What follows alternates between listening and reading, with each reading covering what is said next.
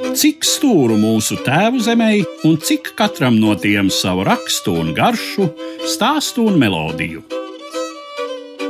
Raidījumu ciklā Stūru stūriem es, Eduards Liniņš, pieskaros Latvijas vēsturisko zemju un kultūra vēsturisko teritoriju identitātei sarunās ar šīs identitātes zinātājiem un kopējiem.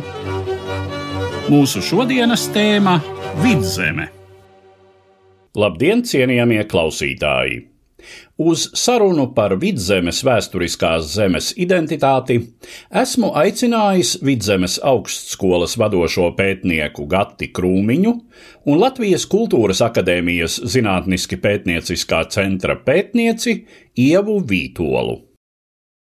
Ja mēs runājam par vidzemes identitāti, tad tā ir Manuprāt, no visām šīm tēmām, kuras es esmu uzņēmies aptvert šī gada laikā, laikam gan vissarežģītākā.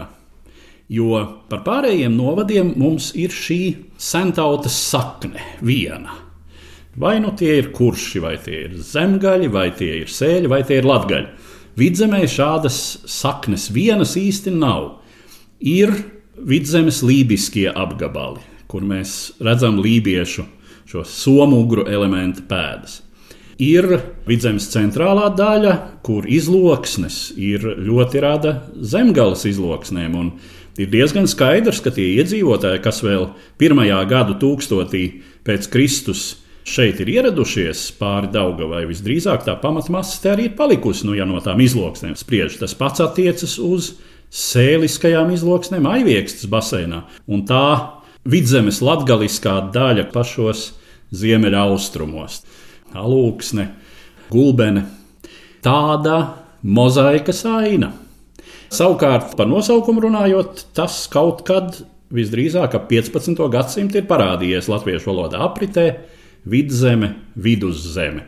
Bet, kā zināms, teiksim, tādā oficiālā nomenklatūrā tā līdz pat faktiski Pirmajam pasaules karam ir Lifļanskajā gubernija, pirms tam Līvlanda, tātad Līvzeme, kas ir devusi nosaukumu ne tikai šim novadam, bet arī Livonijai savulaik. Kā tad ir? No kura brīža jūsuprāt, un vai vispār mēs varam runāt par kādu vienotu vidzemes identitāti? Es domāju, ka noteikti mēs par to varam runāt, bet es domāju, ir viena tāda lieta, kas vidzemē ir notikusi savādāk, kas ir teiksim, nekā pārējā Latvijā iespējams. Jo, nu, ja mēs paskatāmies vidzemi tīri teritoriāli, tad šeit ir vēl vairāk satrunas. Tāpat jau pieminētā gubērņa, tā, tā, tā ir liela daļa no Igaunijas, tā daļa no vidzemes arī ir Tartu, Tērbats universitāte. Un šobrīd mēs ļoti bieži aizmirstam un ignorējam to, ka Vidzemes kultūra vēsturiskā galvaspilsēta un Latvijas galvaspilsēta ir viena un tā pati, un tā ir Rīga. Un eh, līdz ar to šajā gadījumā mēs paskatāmies uz tā vidzemnieka identitāti. Tās ir divas lietas, ko mēs nedrīkstam aizmirst. Pirmkārt, ka vidzeme tagad ir palikusi nosacīta mazāk, Jo no liela daļa Latvijas sabiedrības un arī rīznieki, es pat pētījumā esmu uzdevis šo jautājumu. Rīznieki daudz mazāk sevi identificē ar kādu no šīm kultūra vēsturiskiem novadiem un zemēm, kā to dara jebkurā citā novadā, vidzem ieskaitot. Vidzemniekam šī lokālā vidzemnieka identitāte ir daudz vairāk saplūdusi ar latviešu identitāti nekā, piemēram, salīdzinoši tas ir Sēlē vai Latvijā.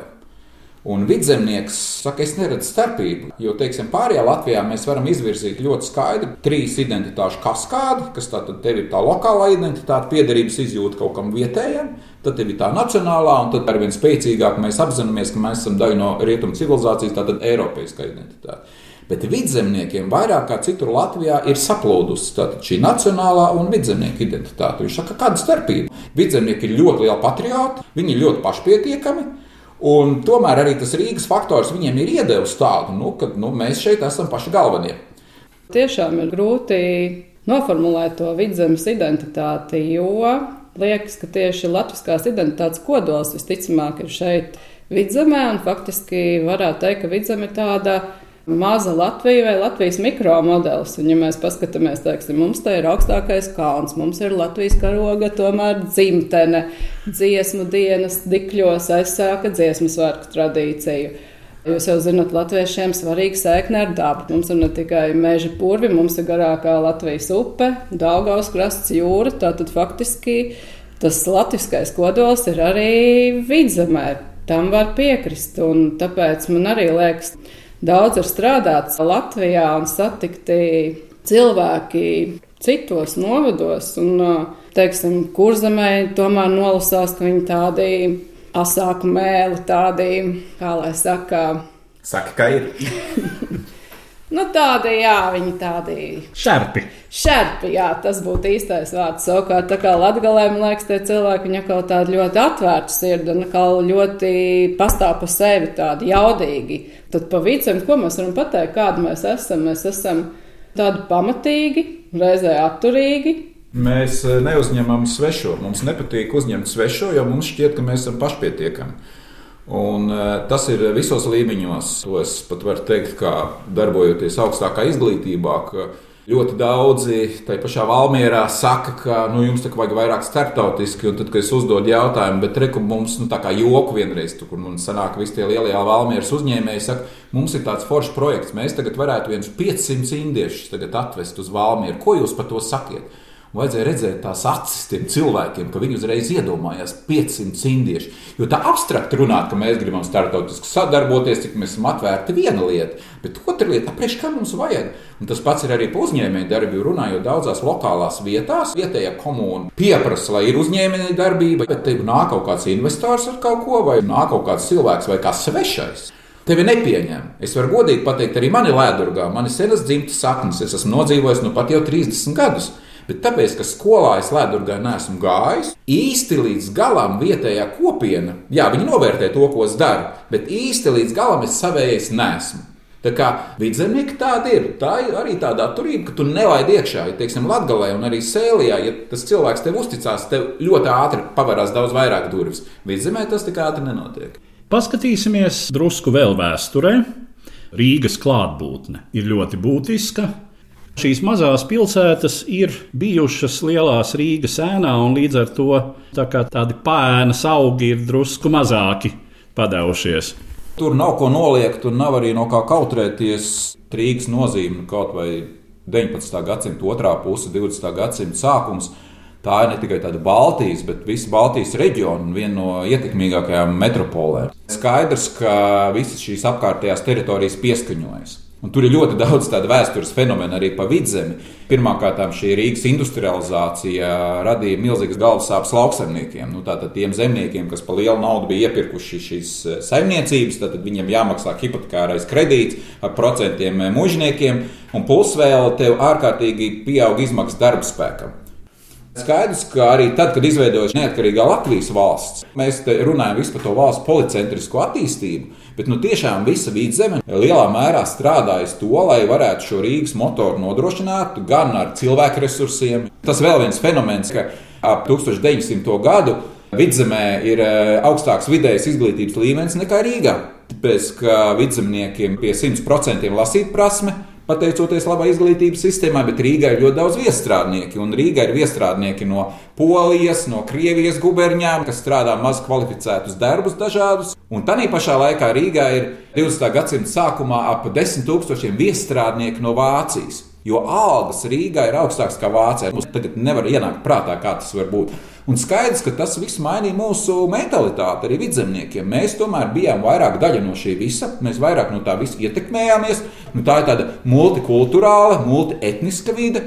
Un tad tas vidzemnieks no vienas puses, viņš tajā vidē it kā ir, bet tur tas fenomens, ka no tajā pašā laikā viņš ir tas pašpietiekams. Viņš saka, nē, nē, nu man to nevajag, tas lai paliek tai Rīgai, bet es tam savā, teiksim, lēdurgā, man te nevajag nekādus svešiniekus, es te pats mierīgi izdzīvošu. Un, starp citu, tas ir novērojams joprojām mūsdienās, kad mēs veicam pētījumus tradicionālās kultūras vidzemē. Ir tā, jo tuvāk Rīgai, jo tie cilvēki ir pasīvāki un faktiski tās tradīcijas nepiešķir tam tik lielu nozīmi, ka tas ir jāuztur. Jo, ja man kaut kas garlaiko vai es gribu kaut ko citu, es aizšauju uz Rīgu, aizbrauciet uz Zalūksni, aizbrauciet uz Gulbenu, uz Madonu uz piebalgu, tur tie cilvēki ir daudz radošāki, daudz aktīvāki, jo Rīga ir tālāk, un viņi arī to savu identitāti un kultūru paši veido un paši uztur. Ja vēl mēs paskatāmies vēsturiski, nu vidzeme ir tā Latvijas daļa, kas nonāk Zviedrijas kroņa pakļautībā 17. gadsimta pirmajā pusē. Tas ir tas brīdis, kad pa aivieksti un pēdēdzi tiek novilkta ļoti pamanāma kultūrāli, reliģiska robeža, Latgale, kas paliek polijas tiesā, paliek katoliska un vidzeme, kas savukārt ļoti striktās zviedru protestantisma atmosfērā tad kļūst par tīri luterisku, kur tas pozitīvais ir. Vēl viens vidzemnieku, var teikt, lepnumā vots ir glīta bībele, kas arī top šeit, vidzemē. Jā, bet kur ir tāds nu, vēstures fenomens, mūsu asociācija ir, ka vidzemi tā kā tā rietuma Eiropa, rietumu kultūras daļa. Bet tur ir tas fenomens, ka tas 18. gadsimta sākums, kad vidzeme Rīga tiek pievienot Krievijas impērijai, Latvija taču vēl paliek pie Polijas. Un tad vairākas desmitgades, vairāk nekā pusgadsimtu, šī aiviekstas robeža ir Eiropas ģeopolitiskā robeža. Bet tikai tā starpība varbūt ir tā, ka Latvija joprojām ir Eiropā, bet vidzeme ir nonākusi Krievijā. No vidzemnieku viedokļa, ja mēs paskatāmies, tad eh, skaidrs, ka Krievijas politiskā vara arī šajā laikā ienākot pēc Zviedru laikiem, tad tas ir ļoti daudz dažādas privilēģijas mužniecībai, tātad šai vadošai kārtai, lai mužnieki pieņem ja, šo Krievijas varu. Un skaidrs, ka daļa no tās cenas tā bija mūsu senču teiksim, attiecības arī ar vācu mužniecību kas eh, lielā mērā noved arī pie tā, kā mēs rīkojamies un ko mēs darījām arī 1905. gadā. Kāpēc mēs ar vācu baltiešiem nespējām izlīgt 20. un 30. gados? Un tas, es domāju, arī ietekmēja šī vidzemnieka mentalitāte, ka vidzemnieks negrib, viņš negrib sadarboties. Viņam šī sadarbošanās spēja patiesībā nav ļoti augsta. Patiesībā vēl viens pavisam nesenāks slānis, kas nāk virsū, tās, protams, ir PSRS okupācijas režīms un represijas.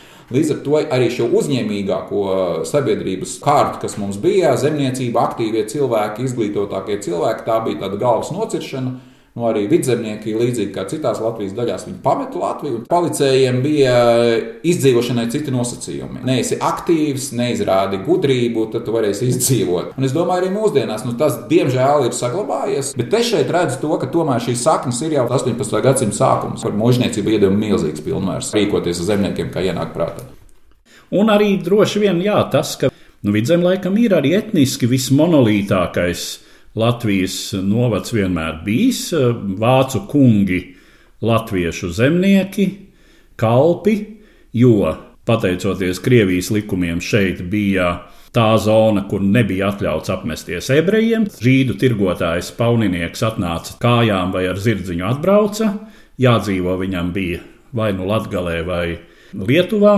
Jā, un šeit ir viena ļoti interesanta nianse salīdzinoša kur ir šī vidzemnieka pretreakcija, tas spītība, nepakļauties tam vāciskajam, jo vāciskais tiek uzspiests. Jo, ja mēs salīdzinām, paskatāmies šīs pašas tendences, kas ir 19. gadsimts vidzemē vai latgālē, tad mēs redzam, ka 19. gadsimta beigās arvien vairāk statistiski uzrādās poļu iedzīvotāju skaits. Bet tie ir faktiski etniski latgalieši, kuri pārpoļojās.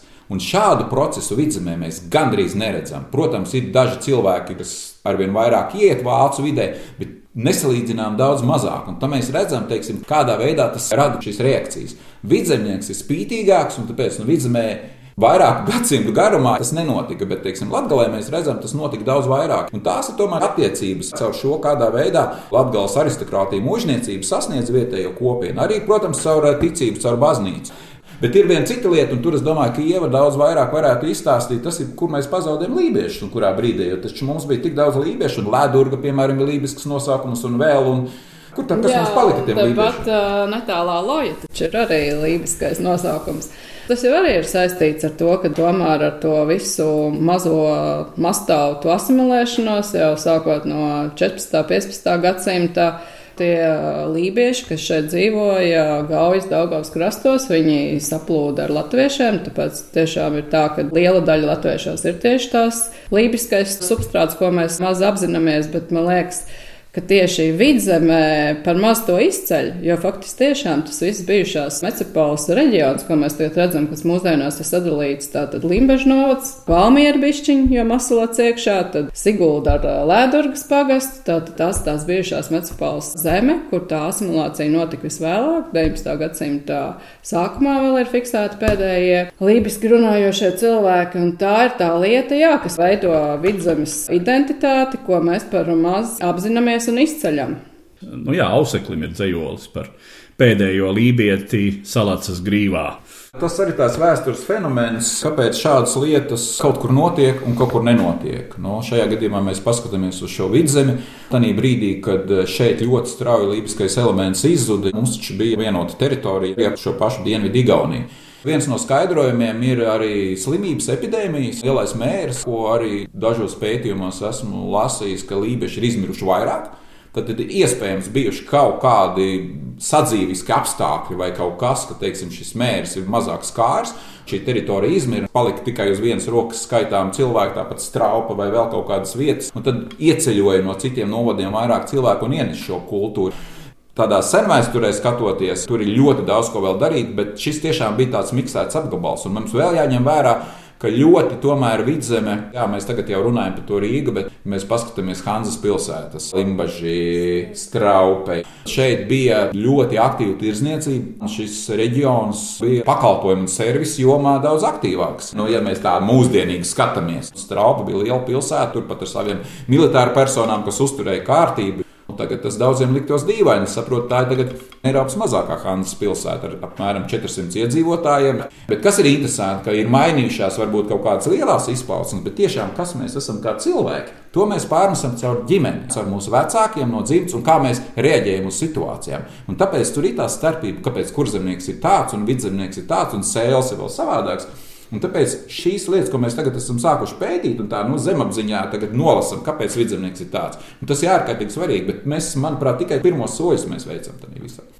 Runājot par vidzemi kā Krievijas impērijas daļu, 18. gadsimts, manuprāt, vēl viens ļoti nozīmīgs moments, kas ir pamatā šim salīdzinoši visaugstākajam lasīt prasmes un izglītības standartam starp Latvijas daļām Kāds tas ir savukārt jau 19. un 20. gadsimta mijā, tā ir Hernhūtiešu kustība, brāļu draugu kustība, ko reizums sauc par īstenu pirmo vai priekšatmodu, kur ļoti svarīgi bija garīgās pieredzes fiksēšana rakstveidā, Un šis milzīgais, jāsaka, tiešām salīdzinoši ļoti lielais rakstu masīvs, kas ir saglabājušies šie brāļu draugu locekļu pieraksti, No tā, es domāju, ļoti lielā mērā nāk tā tieksme pēc izglītošanās, pēc izpratnes un pašizpratnes, kas droši vien arī veicināja šo noslēgšanos savā norobežotā kopienā, Tā tas ir, bet tas, kā ja paskatāmies no otras puses, tad folklorists saka, ka vidzem tomēr garlaicīga vieta ir, jo te ir pārāk ātri cilvēki izglītojušies, un kā jūs zinat, kur ir izglītots cilvēks, tur māņiem nav vietas. Tur ir labi darbi, uzņēmība, labi apstākļi un daudz tādas, kas būtu tradicionālā kultūrā sakņotas lietas, ko nodot un pārmantot, un kas veido tieši to lokālo, to vidzemes identitāti izzūd. Tāpēc mēs varbūt arī iespējams nevaram runāt, ka vidzemē nav tik izteiktas savas identitātes.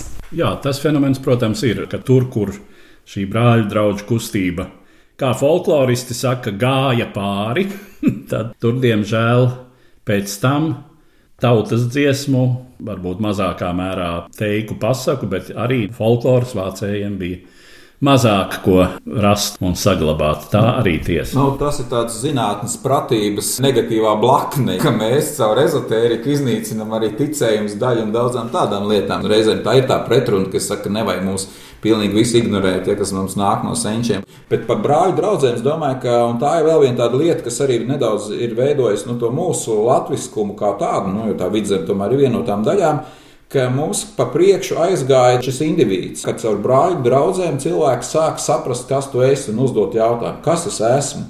Ap to laiku jau dzima nacionālas valstis. Šis jautājums uzreiz bija kopā ielikts ar to, ka es esmu daļa no šīs nācijas, es esmu daļa no šīs tautas. Tur veidojās tas fenomens par iztēloto, iedomāto kopību, kas pamatā arī pēc tam veido to no sociālo fenomenu, ko mēs saucam par nāciju. Mūsu gadījumā vispirms mēs ieguvām šo apziņu individuālā līmenī, mēs ieguvām izglītību, un tad paralēli tam sāka parādīties kaut kādas iezīmes par to, kas mēs esam. Vispirms mēs gājām ar to individuālo, un tad mums bija ļoti straujiem soļiem jāielec, lai mēs iegūstam tādu nācijas apziņu, kas mēs esam.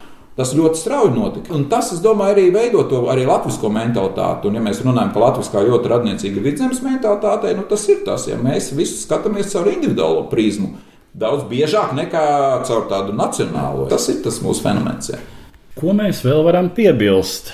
Ja mēs runājam par 20. gadsimta procesiem un mantojumu, Vidzemē arī daudz cilvēku ir ienākuši no Latvijas. Tā ir vēl viena lieta, par ko mēs noteikti varētu runāt kas ir noticis PSRS okupācijas periodā un arī tagad.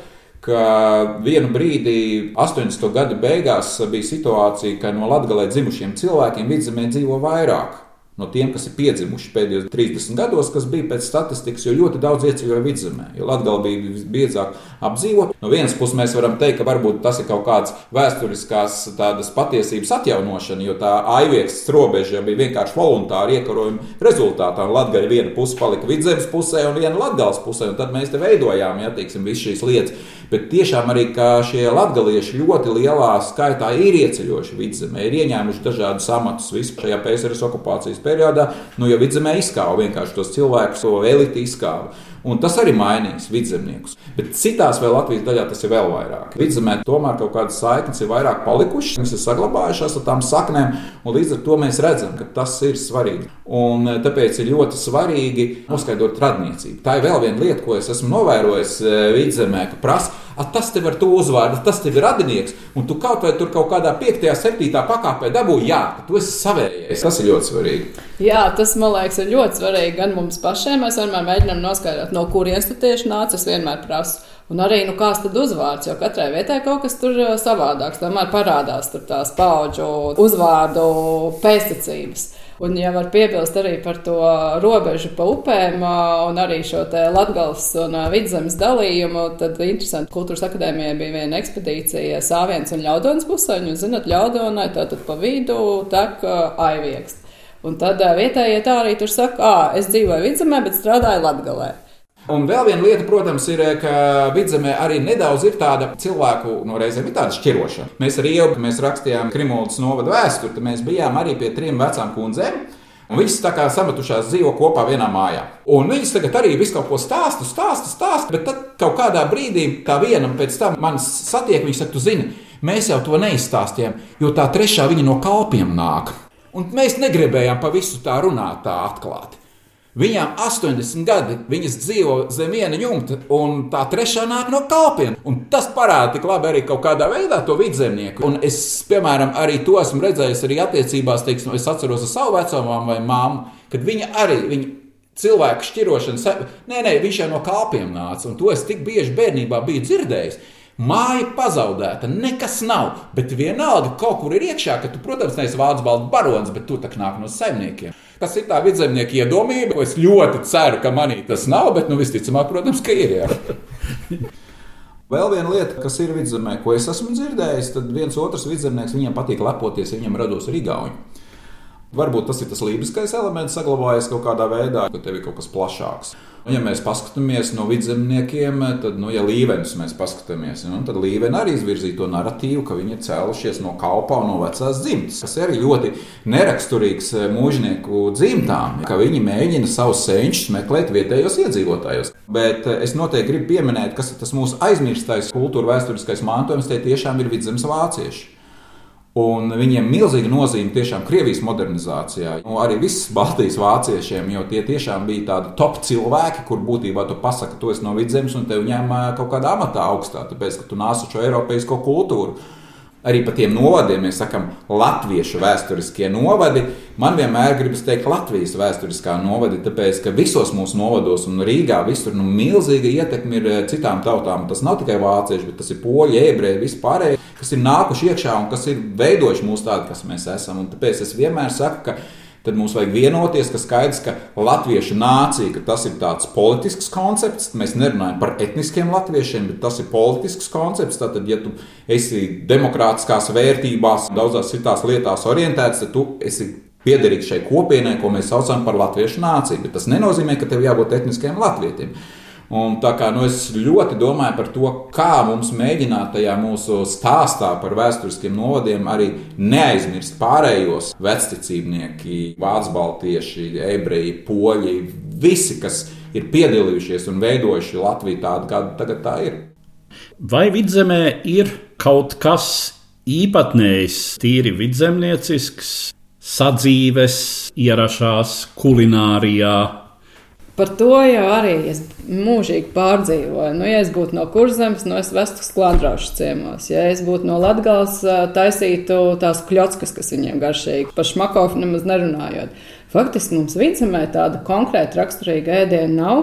Izņemot, kas man nāk prātā, kas ir malienā, alūksnē tie profitroļi, kur buļļonā tos mīklus izstrādājumus tādas eļļā izvārītas. Tas ir viņa tāds raksturīgais ēdiens, bet tā, ka mēs varētu pateikt, ka mums būtu kaut kas tāds līdzīgs kā sklandrausam vai kļockām, mēs diemžēl nevaram. Bet, teiksim, tādās sadzīves tradīcijās nu, ir jau tie paši apvidvārdi, kā mēs te daudz ko saucam, teiksim, no saimniecības darbiem. Mēs malku liekam ielās, nevis kaut kādās grēdās. Jā, nu man jāpiekrīt. Tas jau tas ir, par ko mēs runājam. Esot pārāk tuvu civilizācijai, mēs esam diezgan daudz ko piemirsuši. Es domāju, ka tas ir tas, ko vidzemniekiem vajadzētu novērtēt. Eh, tieši to dažādību, kad tu aizbrauc uz to citu novadu. Varbūt tāpēc es tik bieži braucu uz Latviju un arī uz, uz Kurzemi, ja, jo man tiešām patīk redzēt ka tie cilvēki ir savādāki, jā, un arī nu, viss tā vide ir savādāka. Un, Arī nu, domāšanas veids, tā ir vēl viena lieta, ka kaut tā startautiski salīdzinot, es gribētu teikt, ka, tāpēc, ka man ir ļoti daudz laika jāpavada ar citu valstu pārstāvjiem, ka mēs arī kā vidzemnieki, mums ir lielāka iztēle, ka mēs uz lietām spējam paskatīties savādāk un pieļaut kaut kādas alternatīvas.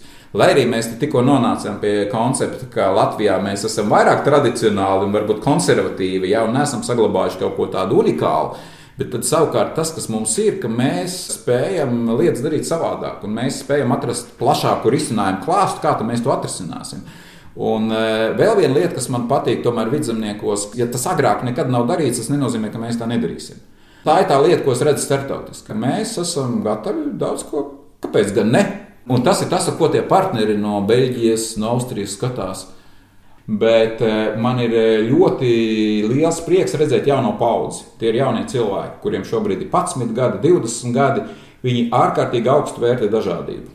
Un, e, tas, ja tu runā vēl kaut kādā valodā, un, piemēram, ja tu vidzemniekam prasa par latgaliešiem, kā viņš runā latgaliski, un vidzemnieks saka, jā, tas ir tik forši, viņš ir latviečs, bet viņam ir vēl viena valoda. Un jaunie cilvēki nebaidās no tās dažādības, un viņi nebaidās parādīties atšķirīgi. Tas ir tas, kur mums ir komplekss. Man, piemēram, vēl ir komplekss no tā paša padomju laika, visticamāk, ja, kas ir nu, bez maz varbūt ar mācu pienu arī iebarots. Neatšķiries no citiem. Labāk esi daļa no šī pelēcības, tu varēsi izdzīvot.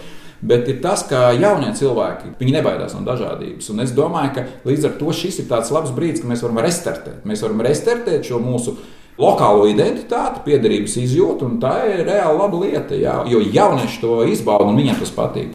Nu jā, un jau var piebilst, tas jau ir identitātes koncepta pamatā divi atslēgas vārdi - kopīgais un atšķirīgais. Man liekas, tieši tagad uh, dominē tas atšķirīgais. Kā es varu atšķirties, ar ko es varu būt interesants.